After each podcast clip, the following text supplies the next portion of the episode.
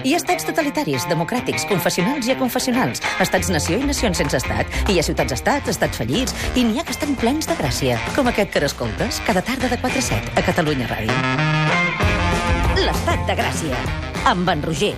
De Gràcia, és clar, doncs si no. Ciutadans de l'estat de Gràcia. Ha arribat l'hora dels singles. Eh? No són els singles de Bertí, ni els singles que diuen que no busquen parella, però que sí que en busquen. Oh! Són els singles de la música, que amaguen històries que no sospitàvem, o potser sí. Obriu bé les orelles per rebre el nostre secretari d'Afers Musicals, Pep Blai.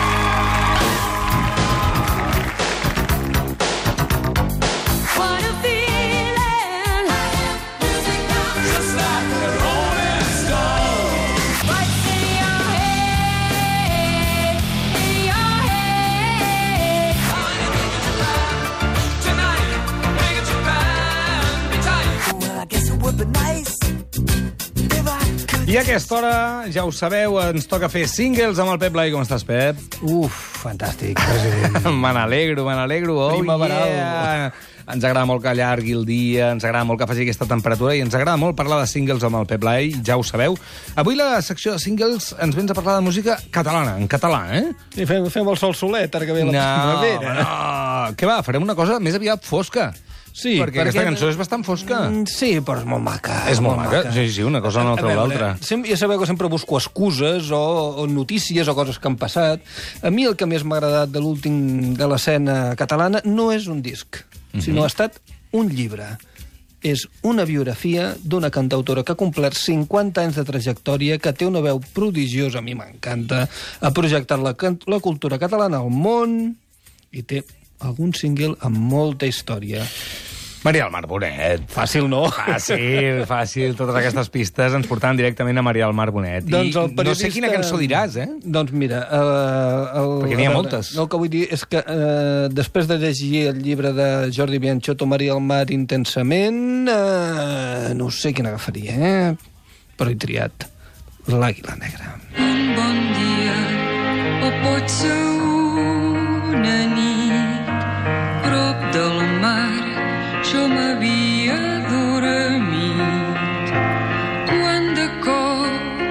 el cel s'omple de llum i un ocell negre surt sense venir d'enlloc Tinc fot la pell de gallina, aquesta cançó. lentament Com més va, com més va. ales bategant 1969, l'Àguila Negra, Maria del Mar Bonet, eh? Sí, era un moment en què la Maria del Mar Bonet començava a projectar-se dins el món de la cançó i bé, mm, podria dir-te moltes coses de... Que avui he fet trampa, president. Què? Què passa? Eh? Doncs que m'ha agafat el punt de que ja que conec molt bé i és molt amic meu el Jordi Bianchot, el biògraf de la Maria del Mar Bonet, doncs he pensat que que m'ho expliqui ell. I l'he trucat directament i mira, mira què és el que m'ha dit de l'importància que va tenir l'Àguila Negra en el seu moment. Pot haver gent que, que sí que identifiqui aquesta cançó amb ella o, o ella amb aquesta cançó, sobretot a escala de, de l'estat espanyol, eh? perquè en aquell moment, encara que era qüestió de, de creure, l'Àguila Negra en català va tenir molt èxit a tot l'estat i, i va fer que la Maria del Mar fes moltes actuacions per, per Castella, per Galícia, per tot arreu, i molta gent la va identificar amb aquesta cançó. Ara, clar, si li preguntes a ella, segur et dirà que és una cançó que ella s'estima molt, però que en té com eh, centenars, no? Mm, que també són molt importants per ella i que també les estima molt. No?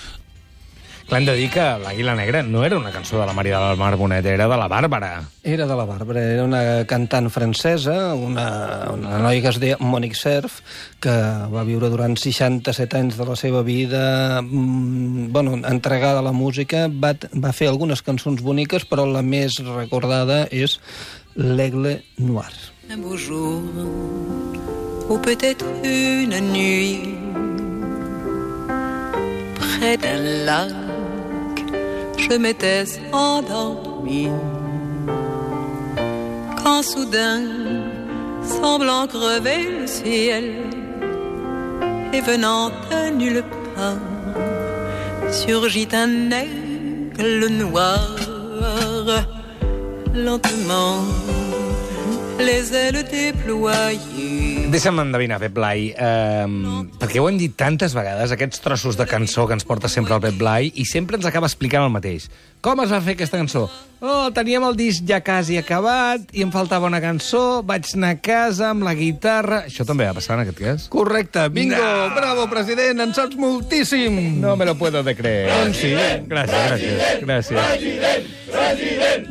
Jo la veritat és que no sé si la gent sota pressió treballa millor, els cantants, o mm, van a l'essència quan tenen poc temps per fer una cançó. El cas és que la Bàrbara eh, tenia un tema pendent per acabar de rodonir el disc i tenia un calaix, de veritat, físic, un calaix on guardava lletres, eh, projectes de cançó, i el primer que li va sortir quan va agafar va ser la lletra del que seria l'Àguila Negra, que era una lletra que s'havia inspirat en un somni i es va posar al piano, tenia el clar de lluna de Beethoven al cap i una mica així doncs s'hi posar- va posar i va sortir la cançó. I en el cas de, de Maria del Mar Bonet, algú li va recomanar aquesta cançó? Que la fes ella? A veure, eh, els 16 jutges manaven molt o parlaven molt o suggerien molt en aquella època. Els 16 jutges, com tots sabem, eren el nucli de la nova cançó, una sèrie de, de, de creadors i de dinamitzadors culturals catalans, diria també jo, no?, d'alguna manera.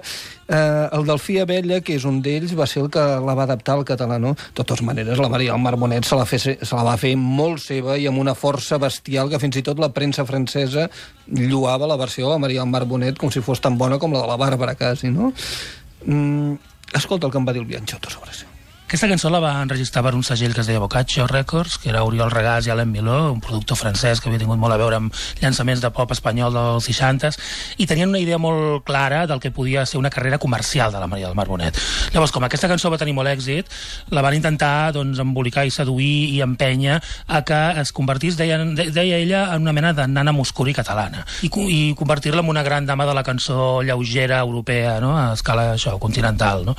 Li van preparar tot, li van disposar tot, la van empènyer perquè fes això, però ell no van comptar només amb un detall, que és que ella no tenia interès en, en convertir-se en una, en una figura de la cançó lleugera o melòdica, no? sinó que volia ser el seu, eh, seguir el seu camí i volia, per exemple, musicar el poeta mallorquí Rosselló Porcel. Un bon dia o pot ser una nit De l'Aigle Noir de Bàrbara a l'Àliga Negra de Maria del Mar Bonet. Jo ara faré veure que no sé de qui va aquesta cançó, però mm, vam fer un programa a TV3 que es deia No me la puc treure del cap, i quan em van explicar realment, perquè tu parles d'un calaix, una lletra que tenia Bàrbara, un somni que havia tingut, però al darrere hi ha una història terrible. esfereïdora, i parlo totalment en serio, seriosament, és molt dur.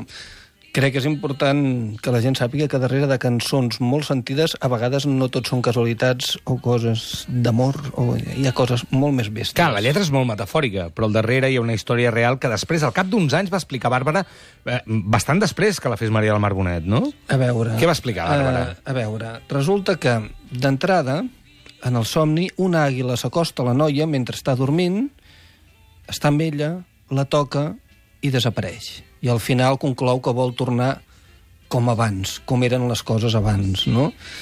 Per què la Bàrbara mai va explicar mm, quin significat tenia? Doncs la Bàrbara va morir, com he dit abans, amb 67 anys, i aleshores van aparèixer publicades les seves memòries.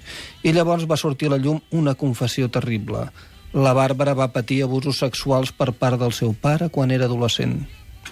I persones pròximes a ella, com el metge mateix que la tractava, van declarar que a l'Aigle Noir la Bàrbara va treure aquell episodi dramàtic en forma de cançó. Llavors, llegeixes la lletra i l'entens claríssimament, es veu tan clar que és que posa els pèls de punta. Si vols te la declamo un momentet i veureu.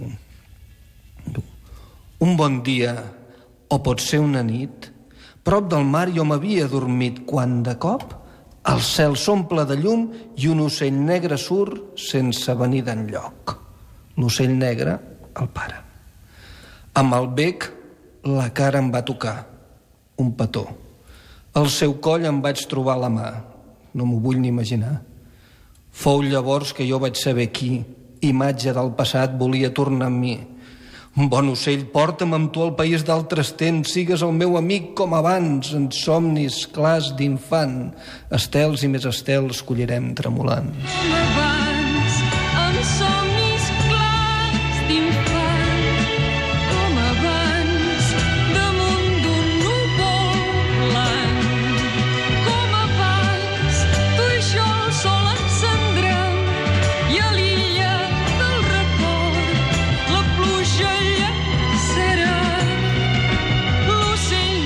Abans, eh? Com abans que vingués l'ocell i passessin aquestes coses eh, demanant a crits, eh, en aquest cas Bàrbara, que les coses no haguessin passat com, com van passar. Eh, la Maria del Mar Bonet no sabia que aquesta història era al darrere de l'Aigle Noir quan la cantava? Això t'ho explicarà millor el Bianchotto. En absolut, ella, ella no tenia ni idea, de fet ningú tenia ni idea exactament de, del rerefons que pogués haver de, de real en aquesta cançó, no?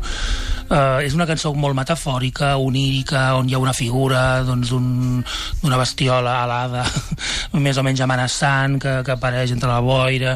En aquell moment Bàrbara era viva, ningú va pensar que allò tingués connotacions que, que tinguessin a veure amb la vida real d'ella, no? Des de que ella morís, que en un llibre de memòries que es va publicar post-mortem, que ella ja, ja ho va voler així, allà parlava d'una història, d'històries de la seva vida més, més personal i més íntima, i parlava d'abusos sexuals del seu pare, de tot això, i tampoc deia exactament que l'Àguila Negra fos un reflex d'això, per tant, la pròpia Maria Albar després, amb, els anys, va quedar parada, sorprendre que pogués haver aquest rerefons tan real i tràgic no, en aquesta cançó. Déu-n'hi-do, déu nhi déu uh, La va versionar Maria del Mar Bonet i després l'ha versionat altra gent. Per exemple, i ho has ajuntat aquí, tenim Martirio, Néboa i Roger Mas. Un bon dia, o potser una nit, prop del mar, jo m'havia dormit. Quan de cop el cel s'omple de llum i un ocell negre surt sense venir d'enlloc. lentement les ailes déployées. Lentement, je le vis tournoyer. Près de moi, dans un bruissement d'ailes, comme un tombé. Maria del Mar Bonet, intensament, aquest llibre del Jordi Bianchotto, fantàstic, 50 anys de, de carrera artística de Maria del Mar Bonet, i encara ens explica alguna altra cosa, no? Alguna altra curiositat del Bianchotto. Sí, jo crec que val la pena sentir les seves paraules perquè, més que les meves, el Bianchotto és el mestre Maria el Mar Bonet. Escolteu què descobrireu en el llibre. Ella considerava que tenia molt més a perdre que a guanyar, no?, en Eurovisió. Però és que, que aquest tipus de coses ella diu, diu que, que no les va acceptar perquè és que no, simplement no li venia de gust. Tampoc era una qüestió de, oh, és que per la meva carrera no convé. És que simplement no, li, no, no s'hi veu en alguns llocs, no? I els Jocs Olímpics és una cosa semblant, també. Va haver un moment en què semblava que, bueno, semblava no, era, era un fet que Vigas Luna havia de dirigir la, la cerimònia inaugural dels Jocs Olímpics a l'Estadi Olímpic. No? I la idea era que la Maria del Mar sortís, diu ella, d'una mena de magrana ma, gegant, eh, vestida de blanc cantant un fragment del cant de la Sibila. I, I ella diu que es va quedar pensant i diu, això, que no s'hi veia de cap manera, no? Crec que molts artistes i que segurament eh, la immensa majoria d'ells estarien entusiasmats de- d'aprofitar una oportunitat com aquesta, no? I que ella t'ho expliqui no com una heroïcitat, que no, sinó simplement com una cosa natural, que ella no s'hi veia, doncs et crida l'atenció. Molts asos junts avui, eh? Maria del Mar Bonet, Jordi Bianchotto, Pep Blai, l'Àguila Negra... Un plaer acabar l'hora així, de veritat. I a més és que és un tros de cançó, de veritat, val molt, molt, molt la pena, i val molt la pena també tota la carrera de la Maria del Mar Bonet. Emocionat, president. Absolutament, absolutament. Moltes gràcies. Fins ara mateix.